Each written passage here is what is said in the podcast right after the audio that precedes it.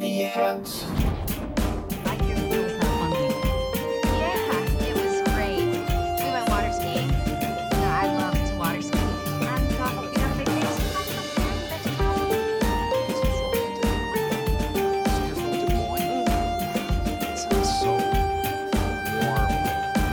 Hjärtligt välkomna till eh, TV Heads. Bengt Strömro här. Och Göran Danasten. Vi befinner oss i ett otroligt vintersoligt Göteborg idag. Ja, vi kastar direkt över miljöbeskrivningen. Det blåser, och, men det är jättefint. Denna tidiga februaridag. Det är Göteborgs filmfestival eh, som pågår för fullt här. tycker jag är den bästa festivalen som finns faktiskt i Sverige. Eh, Jag tror att jag har några av mina lyckligaste ögonblick faktiskt när jag har vilket jag inte hinner nu för tiden på samma sätt, men när man åkte ner hit och i tio dagar och bara såg sex filmer om dagen, eh, klev upp hålögd och fortsatte att titta.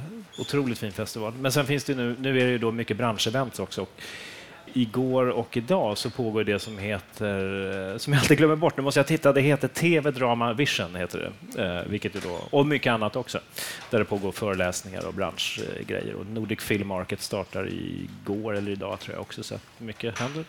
Är det återkommande att tv-branschen får ta en sån tydlig plats i festivalen eller är det unikt för i år? Nej, inte unikt för i år. Nu är inte jag någon expert, men, men och så sneglar jag på Ulrik från festivalen som befinner sig i lokalen här. Men det, där har ju på, det har ju växt fram under några år. Tv-seriens betydelse har ju tagit, eller tv-serien har ju tagit större och större plats på, även på filmfestivaler och även här. Vi, vi har ju faktiskt gjort ett avsnitt från filmfestivalen för tre år sedan när vi intervjuade ensemblen och eh, upphovspersonerna bakom den norska komedin Dag.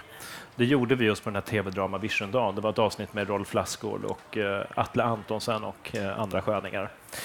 Ehm, så är man speciellt sugen på TV-heads från Göteborg så kan man söka upp det avsnittet. Jag, jag ber redan nu om ursäkt om ni tycker att jag verkar lite trött och sluddrig. Är det för att jag är så otroligt jetlaggad. Jag har flugit från Umeå i morse. Berätta vad du gjorde igår, Bengt. Vad jag gjorde igår? Ja. Ja, som bara att förstärka min, min jetlag. Alltså, Ja. Det är verkligen ytterligheterna. Om vi har ett eh, fantastiskt eh, eh, soligt, nästan vårliknande väder utanför det här festivaltältet som vi sitter i med panoramafönster. Så eh, den andra ytterligheten var jag med om igår kväll. Det var i Åsele, eh, Västerbottens inland. Och, eh, vi var där och premiärvisade ett nytt tv-program från SVT Umeå som heter Zombie. Oj. Spontan motfråga. Vad är det för något? Undrar publiken. Jag vet ju lite grann, men berätta. Kortfattat är det ett eh, program för äldre barn där äldre barn blir jagade av zombies i Åsele.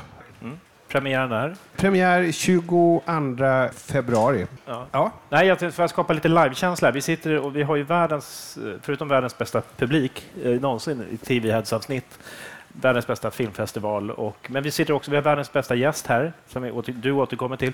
Och vi sitter och väntar på världens näst bästa gäst som inte har kommit än. Så att om jag låter förvirrad så är det för att jag sitter och sneglar ut och undrar var hon är någonstans. Det, det finns en, man brukar tala om det i tv-branschen, att det är viktigt för tv-programmet att det ska finnas en tydlig hur ska det gå-faktor. Hur ska det gå för hjälten eller hur ska det gå för den här familjens vars ekonomi är körd i botten? Ska man eh, lyckas lösa det på slutet? Eller vad det nu kan vara. Ska man lyckas få ihop renoveringen? Och. Så- och även vi har alltså en hur ska det gå-faktor. Vi ville verkligen hålla liksom, publiken här på plats och är radiolyssnare på halster. Ska vår andra eminenta gäst dyka upp? Då har det blivit dags för oss att introducera eh, dagens eh, första och möjligtvis enda, beroende på hur ska det gå-faktorn här, Hur gäst. ska det gå för avsnittet? Det är det som är dramaturgin. Och som lite bakgrund kan vi säga att den här gästen är en person som vi har försökt bjuda till TV Heads vid många tillfällen tidigare. Jag tar säga att både jag och Göran är fan utav hans verk. Mycket. Eh, och det som också är väldigt, väldigt roligt, eftersom vi befinner oss i Västergötland, att personen är från Falköping. Hjärtligt välkommen och en stor applåd för Jimmy Svensson. Wow! Tack så mycket.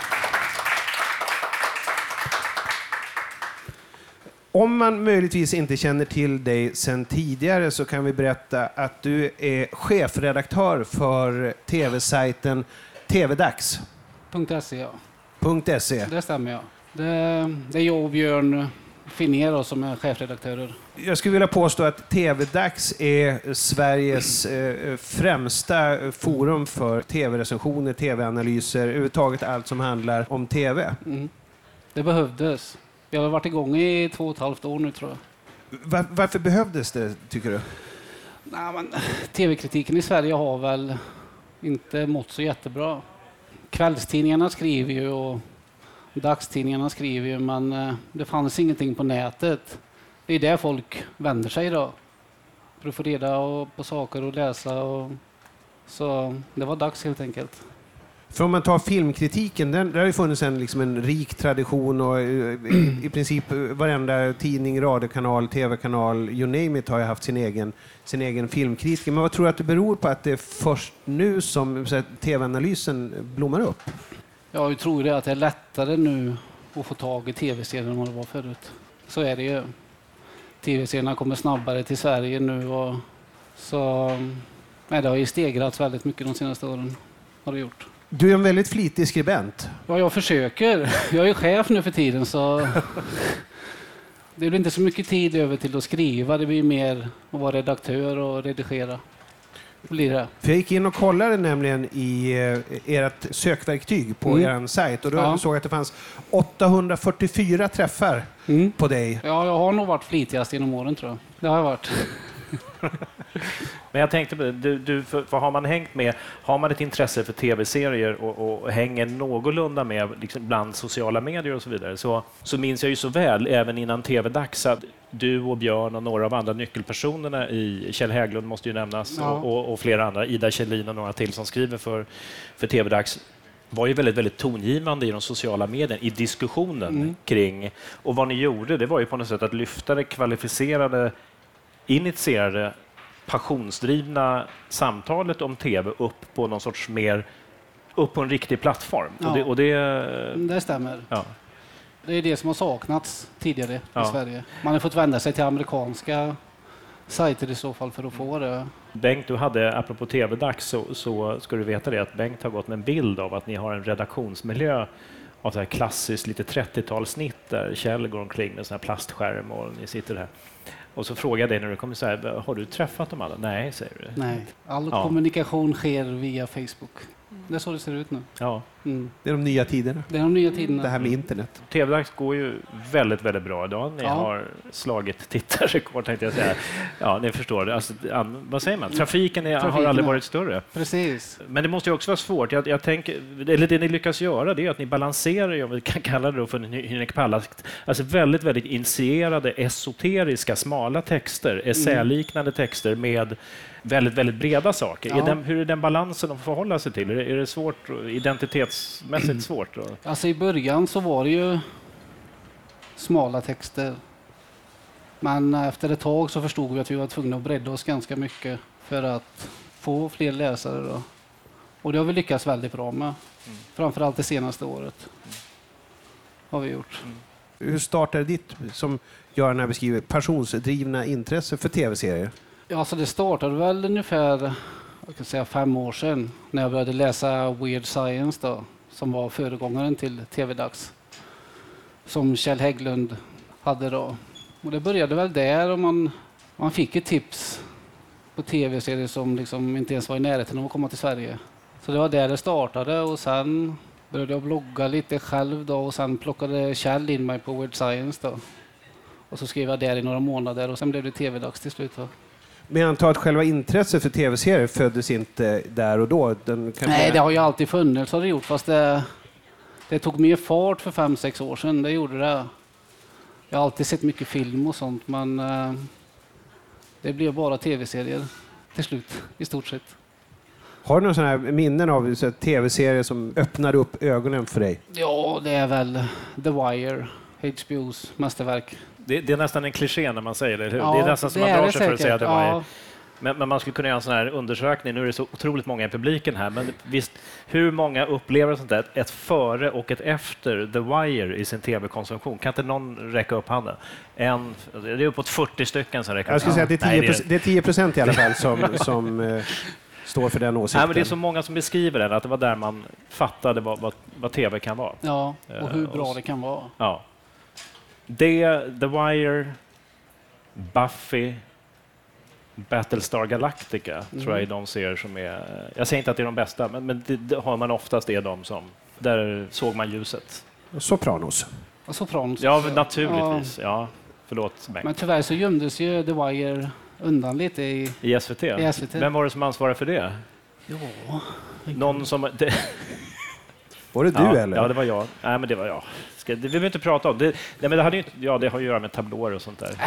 äh, undan ska vi väl inte säga. Nej, men- det ska man inte göra. Det är ju inte en serie som ska gå direkt 21.00 Nej, i ettan heller. Eh, och, och, och det tv-landskapet såg så väldigt annorlunda ut.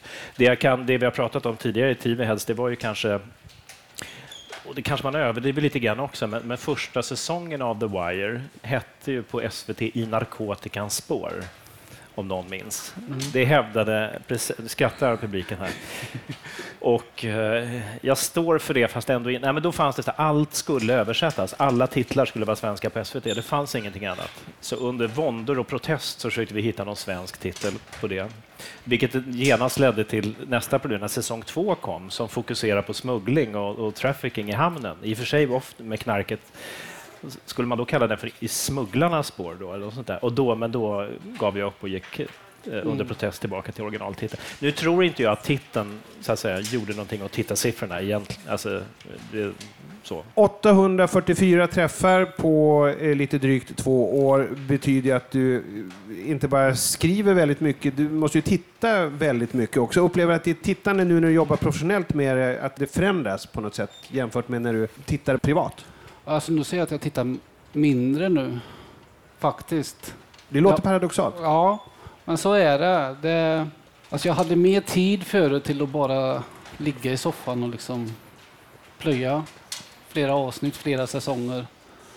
Men så är det inte riktigt nu, utan eh, sen får man sålla bort lite. Jag såg, man kan säga att man ser mycket skräp genom åren och det gör man ju. Så jag har nog blivit bättre på att sålla bort tv-serier. Fast det är skönt att se skräp ibland också. Det kan jag Ja, det är det. Eftersom jag inte jobbar som inköpare längre så var ju, då fick man ju, dels fick man ju betald arbetstid för att titta på TV. Mm. Inte hela tiden som folk, som folk tror kanske, men- då fick man naturligt konsumera otroligt mycket dåligt också. Och det, det har någon poäng med att göra. Det skulle man aldrig göra. Det gör man inte privat riktigt på samma sätt, Nej. men det var otroligt nyttigt. Man uppskattar eh, de höga nivåerna mer nästan Ja. när man tvingas titta på ja, något annat. Du nämnde ju tidigare, Göran, att det går väldigt bra för TV-dags just nu. Jag har uppfattat, rätta mig om jag har fel, att eh, en hel del av den här trafiken som har kommit nu i närtid eh, kommer utifrån att ni har skrivit mycket om den här serien eh, Making a Murderer, alltså den här dokumentära serien som Netflix la ut för några veckor sedan. Ja, precis. Det stämmer. Den blev ju... Ja, det kanske är den mest omtalade dokumentären någonsin, känns det nästan som, just nu. Och den drog upp... Jag tror Kjell skrev någon krönika, eller någonting, någon söndagskrönika där som eh, tog fart och sen följde vi upp i stort sett allting som det skrevs om och pratades om i, ja, i två veckor tror jag. Det var ju över jul och nyår så folk hade tid att titta och tid att läsa så det, det tog fart rejält, det gjorde det. Eh, det har ju skrivits mycket om den och talats mycket om den och man kanske kan tänka att eh, alla vet vad det handlar om. Men, men kan du inte kort beskriva vad, vad är Making a Murder för, för serie? Alltså det handlar om en man, eh, Steven Avery, som sitter i fängelse i 18 år, oskyldigt dömd. Och sen kommer han ut då efter, ja, han blir ju frikänd då efter DNA-bevis då. Men sen blir han anklagad för ett mord bara några år efter han blev frisläppt då. Och det är egentligen där allting tar fart då. Så man får ju följa både, det är väldigt mycket rättegångsmaterial som man sitter och tittar på. Och grejen är ju den att eh, den här rättegången har väl inte gått rätt till helt enkelt. Ja, man får följa det från alla vinklar. Mm. Fascinerande med dokumentären. Jag tror inte, jag, jag tror inte att någon dramaförfattare, skulle, alltså om vi listar karaktärsgalleriet i Making a Murderer, skulle man skriva den serien, även om man gjorde det som fantasy, så Ja. skulle man ju aldrig kunna liksom få till de här karaktärerna. Nej. Det skulle inte funka. Det är, jag såg förresten, det kanske var ni som postade, det finns en Tumblr-blogg för den som har sett serien. Och, och som, ja, det finns ju många kring serien, men det finns en som är dedikerad till deras alla frisyrer i Making a Murderer. Har du sett den? Nej, Ja, det, den ja, har den är inte sett. fantastisk. Hairdos in Making a Murderer eller något sånt där. Ja, okej. Och, och det är ju menar, det är 200 karaktärer som passerar Ja. och alla har frisyrer som är från helvetet. Det är Ja. fantastiskt kul. Alltså. Ja. Ja, Jämför man, för det första, jämför man den med The Jinx till exempel, som är en annan sån här legal doc som, är, som har med rätta slagit hårt med mycket slickare produktion som är mycket Ja. mer komplext uppbyggd och mycket, eh, ser helt annorlunda ut. Making a Murder är ju på något sätt, ser ju ut som människor när den skildrar. Det är någon sorts Ja. white trash look och den är ganska mm, gritty sådär. Men det är ju hur den fortsätter att leva. Mm. Eh, hur, hur den, man sitter och följer bloggarna och liksom ny, amerikanska nyheter för att se vad de här advokaterna Ja. liksom, ska de överklaga en gång till. Det är helt otroligt. Alltså. Mm. Det, den har ett eget liv. Jag tycker det är skithäftigt. Den spelades väl in i över tio år också Ja. tror jag va?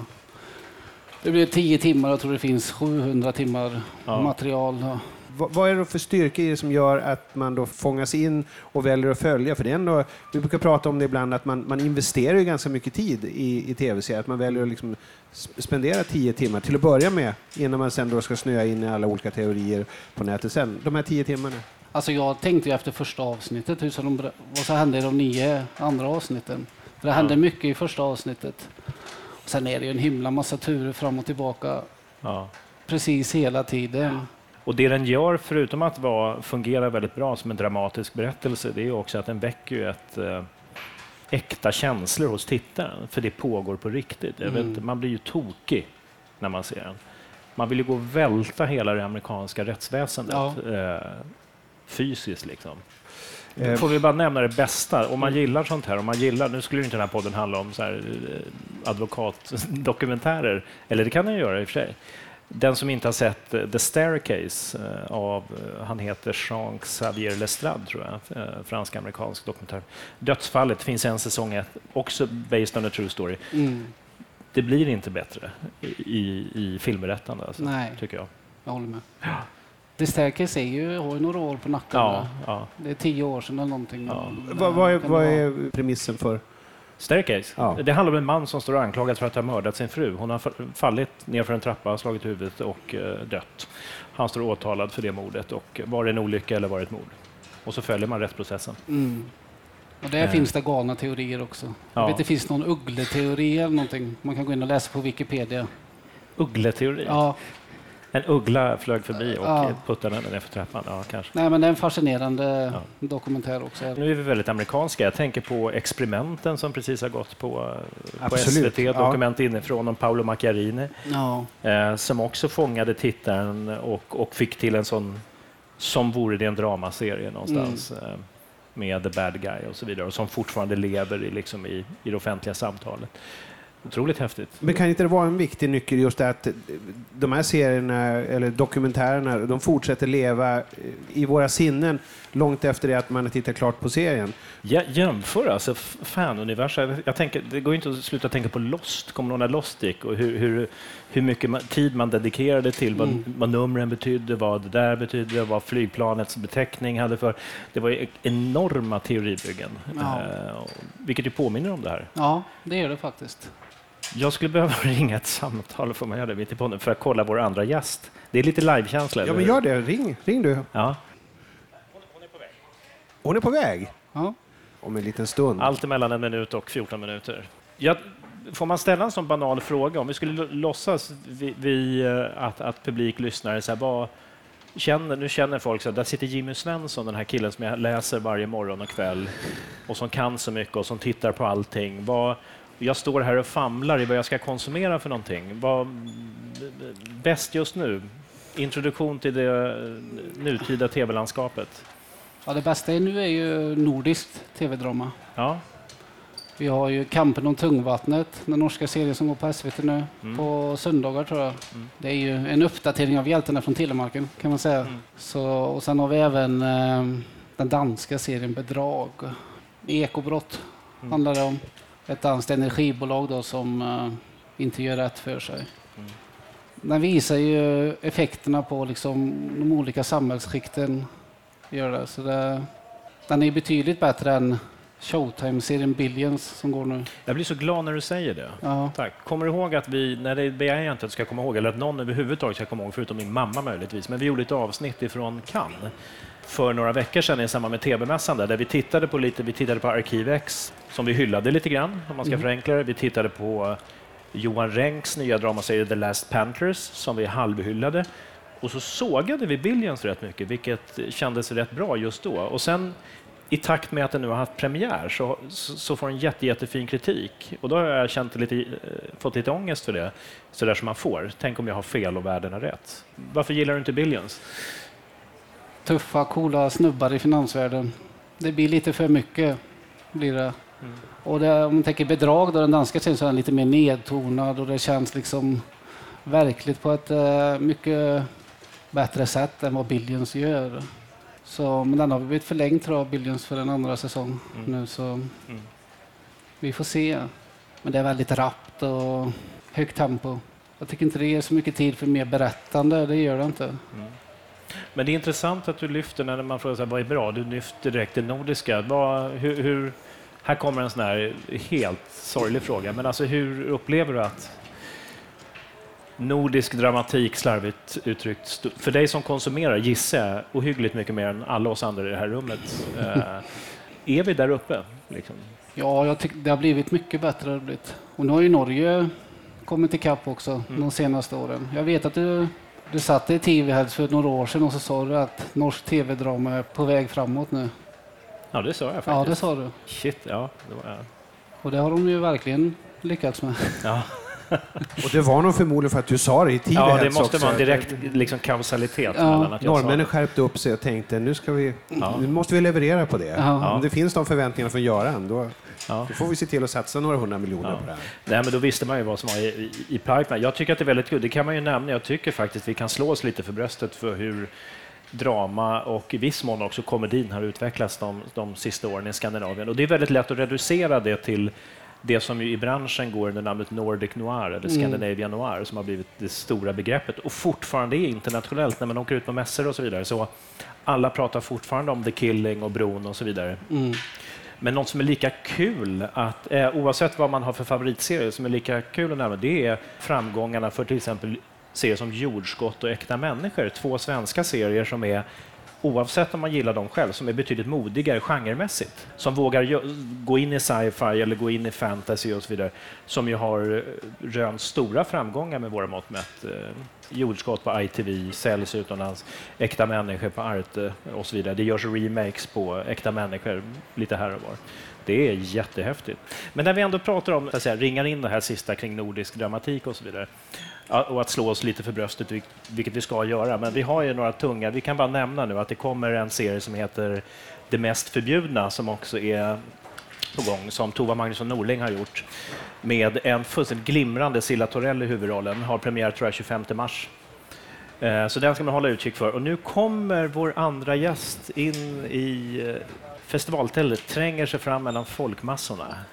Och medan hon får på sig mikrofonen så kan jag berätta för lyssnare och åhörare att vi har äran att ha bjudit in, eh, utan att överdriva, en av Sveriges kanske största expert på manus, lite slarvigt uttryckt. Min kollega på, som jag sitter bredvid nere på SVT Drama, som heter Tatjana Andersson. Välkommen till TV Heads! Hej, tack. Hej. En applåd! tack. Du, du, du kan inte ana vilken dramatik det har varit här och det, faktum är att det har eh, gjort väldigt gott för, för, för nerven i det här avsnittet. Det har vi inte varit med om tidigare i TV så att vi har så att säga, så, suttit på spänn och, någonstans hoppats på att en gäst ska dyka upp mitt i. Och du kan inte ana då glädjen som uppstår när du faktiskt Ett dyker upp här. jag trodde det var där borta. Ja, nej, men det, det är faktiskt det är alltid en plan, en konspiration från mig. För att jag ville ha den här spänningen och så var jag lite otydlig medvetet mot Tatjana var skulle vara någonstans. Och så därför blev det så här. Tatjana Andersson eh, arbetar på SVT Drama med ett projekt som heter Nya röster. Vad är det för Stämmer. någonting? Fokus på oetablerade manusförfattare och mångfald, både när det gäller författare och material. Så det var SVT-satsning på att ta in människor som inte är etablerade i branschen och ge dem en chans genom att ge dem en chans att göra en kort serie. Så jag har fått in nästan 400 förslag, eh, valt ut var det 20-30 som vi röstade eh, fram till 11 sammanlagt som eh, jag ska nu hjälpa som handledare först och sen som redaktör. Och det handlar om nya perspektiv. Nya perspektiv, att det kan handla nya perspektiv betyder mångfald egentligen, inte samma sak hela tiden. Och det kan gälla allt från kön till etnicitet, funktionalitet, men ni vet ju, all the basics. Bara så det kommer ett perspektiv som man inte förväntar sig. Det är viktigt. Mångfalden av röster i svensk dramatik just nu, är den, eh, den är ju för smal. Liksom. Ja, det vet du ju lika Ja. väl som jag vet. Att så det är få människor som skriver det mesta. Mm. Jag vet inte om det är så i andra länder också, men Nej. det är väldigt påfallande när man kommer utifrån och ser hur få det är egentligen Mm. som är spelare. Jag kanske är naiv och förväntar mig att det ska vara fler, jag vet inte. Men, Nej, jag vet inte, men det var en känsla, jag, Mm. nu blir det så här lite intimt samtal, men, men det var en känsla för mig som har jobbat med drama, sen Mm. med inköp och sen med drama delvis igen då, så var ju känslan när jag kom tillbaks, det var att det var ungefär samma människor Mm. fortfarande som, som skrev och som regisserade och, och så. Mm. Kanske till och med lite färre, för de bästa hade stuckit till USA eller till. England. ja.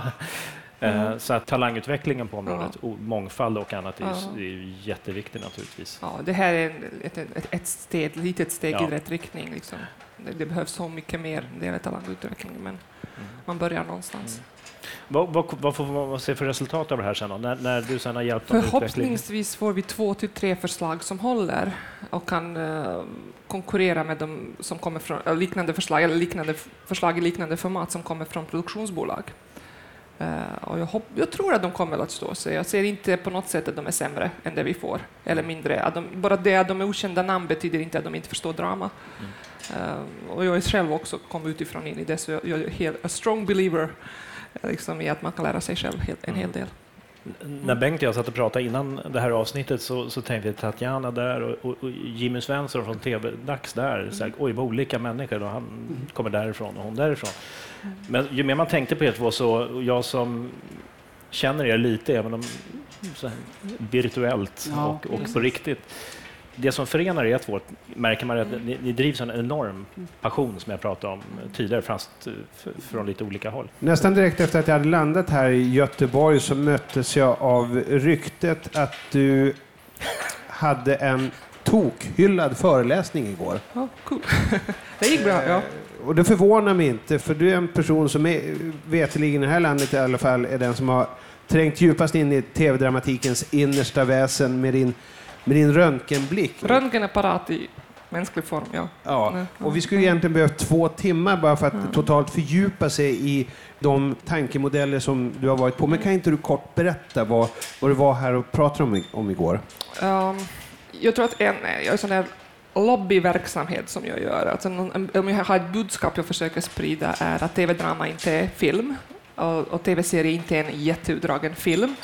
Det finns tv-serier som funkar på det sättet, de heter extended features och ofta är det plot-driven crime. Och de funkar, jag, så jag absolut säger inte att de gör det, men det är inte det enda sättet att uh, skriva tv-serier.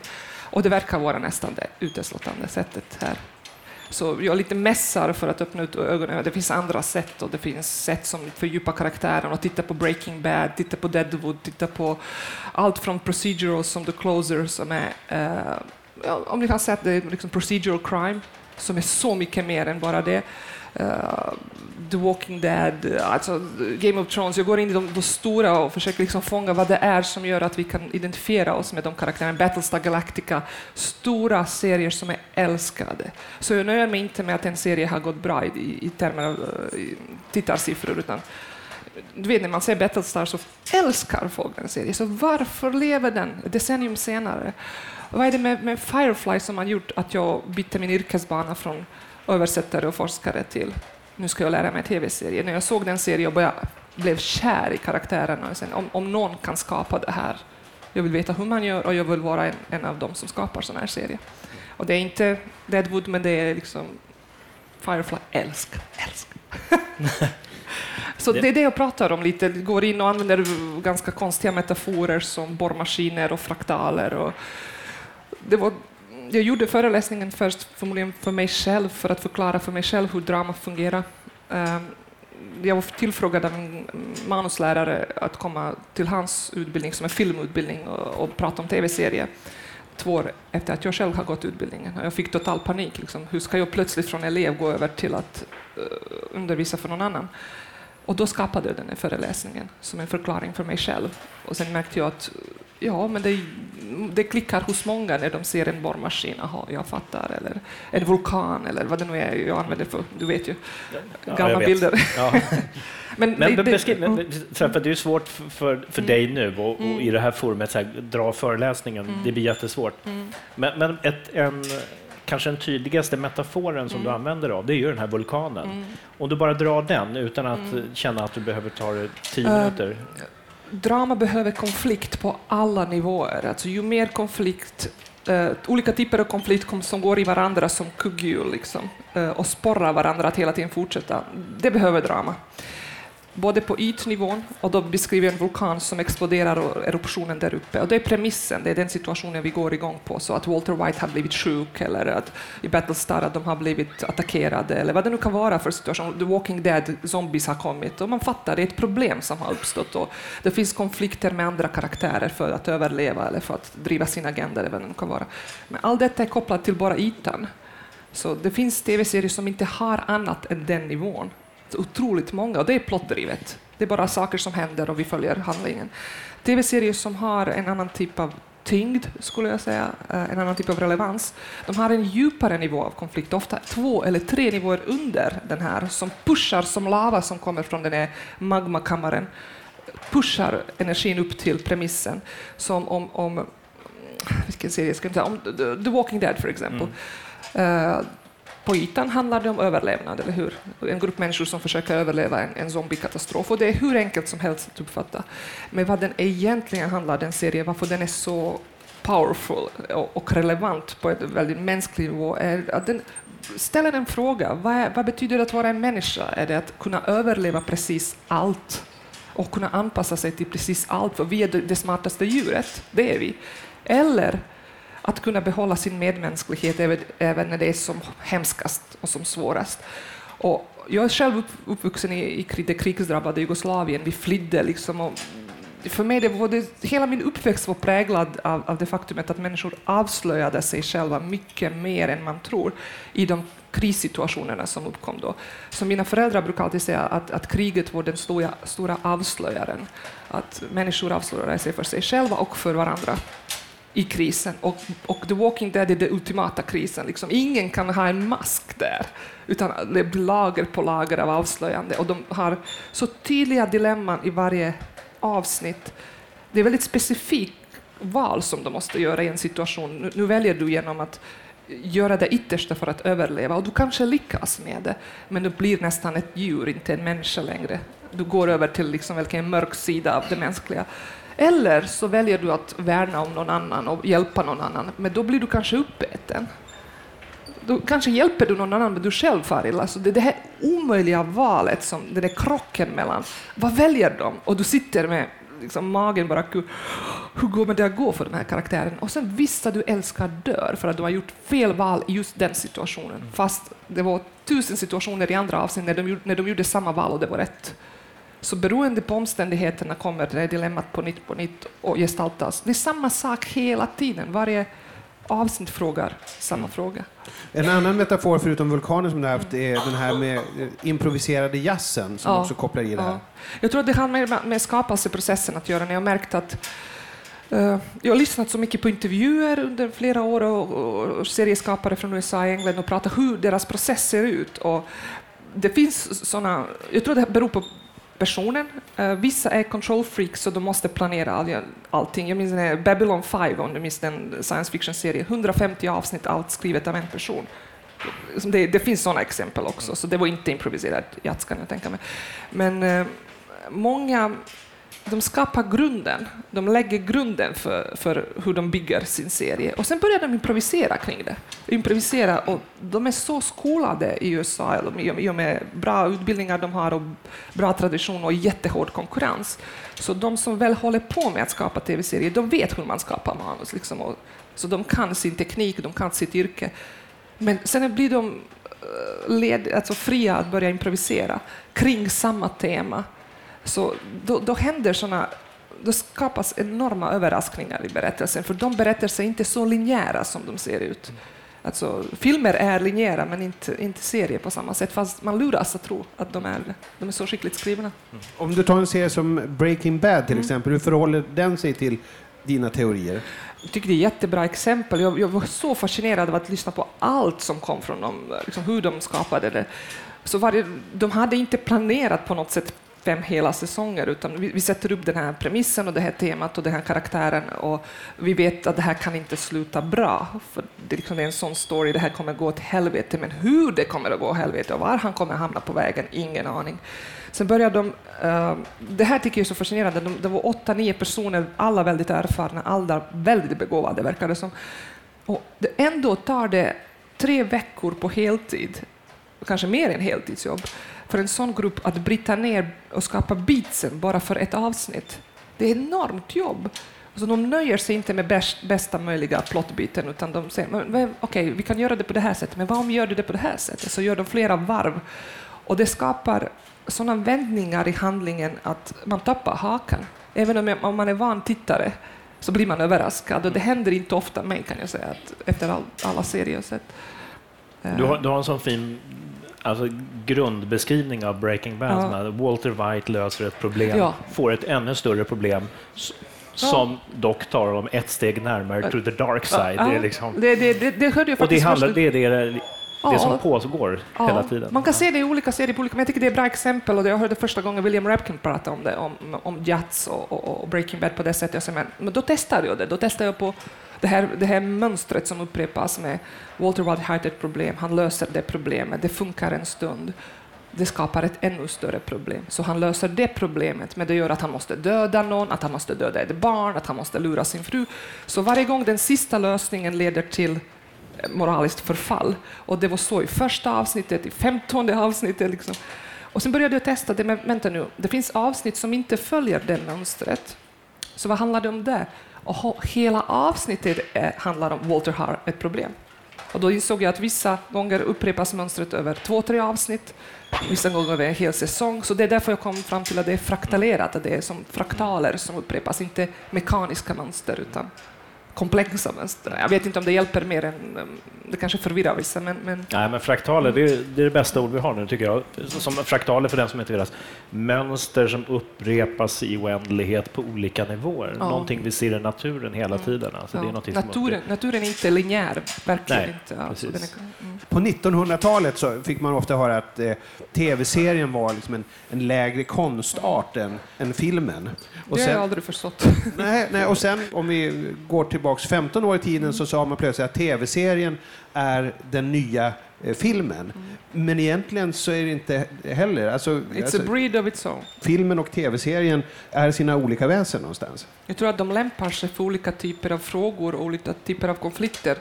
En film kan lyfta en konflikt som går att lösa och visar en intressant väg till... eller Jag upplever så här skillnaden, kanske det det är väldigt förenklat och det finns massa filmer och serier som inte passar i det här. Men jag generaliserar och säger att en film är som en uh, hissresa uppåt. Karaktären medvetandemässigt börjar på en nivå och sen börjar ett äventyr som hela tiden tvingar karaktären att göra en sån, någon typ av, av uh, resa uppåt i medvetandet som de till slut vaknar upp till sin egen problematik, mer eller mindre. Men tv-serier skulle dö så fort det skulle hända. Så eh, tv-serier vissa karaktärer som lär sig saker, som blir mer utvecklade. De genomgår en kurva, men de har inte riktigt vaknat till sin problematik fram till sista avsnittet, som när Walter White säger ”It was all for me” i sista avsnittet. Det är först då han fattar att han, vad han har gjort i fem år. Liksom. Jag hade gärna varit med på föredraget igår. Det kommer fler tillfällen kan man säga. För att, Ja. Om jag bara får haka på det som du antydde. Det var så roligt då, för jag vet, du har ju kört den här dragningen några gånger. Och, eh, eh, det här var första gången du gjorde den liksom i en- internationell kontext igår. Och du, du var den som började på morgonen och körde. Och sen var ju resten av dagen, för där satt ju då bland annat upphovsmännen till Deutschland 83, den nya tyska succéserien, där satt eh, ZDFs eh, dramasamproduktionsansvariga och så vidare. Och alla bara hänvisade till dig hela dagen. Liksom så här, du måste komma ner till Tyskland och berätta för oss. Böjde sig ödmjukt. Det var häftigt. Så, att, eh, roligt. Ja. så eh, fler chanser kommer. Men de här insikterna, på, på vilket sätt skulle man som, som manusförfattare och, och tv-producent ha, ha hjälp av det? Eh, jag tror att det är lätt att det gör ett klick när man ser de där bilderna och hör hur jag förklarar det, men att sen kunna jobba på det sättet som skapar vulkan och inte en linjär resa. Det, det är en hel del i systemet, i utvecklingen, som, som sätter käppar i hjulen, om jag förstår rätt här. För de har ett annat system i USA. De kan jobba tre veckor med ett avsnitt och här ska man producera en storyline för två, tre månader, eller hur Göran? Det går mycket fortare och det är mycket mer en linjär process. Nu ska du liksom tänka hela tiden framåtrörelse. Du ska inte grotta dig in i ett avsnitt i flera veckor för att verkligen hitta något nytt, utan så det, det är lätt att säga för mig, ja, jag ser de här skillnaderna, vore det inte fantastiskt att, att vi börjar skriva så här? Men det, Men jag- det vet jag inte om det ens är möjligt. Den tesen du driver någonstans det är att man ofta väldigt slarvigt, speciellt för vad du pratar om, det är ju serier som ska gå i flera säsonger, Mm. eller helst ska göra det. Och en serie kan inte vara framgångsrik över flera säsonger Mm. om den inte har det du då definierar som det starka temat, Mm. dragkampen i eh, den enkelt formulerade liksom, paradoxkonflikten, Mm. källkonflikten i botten.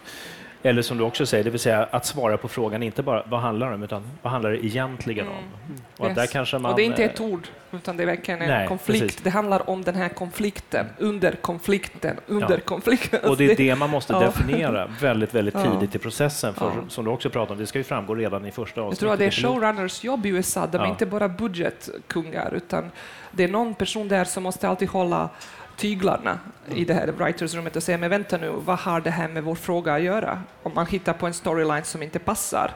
Uh, och säga, vad är temat?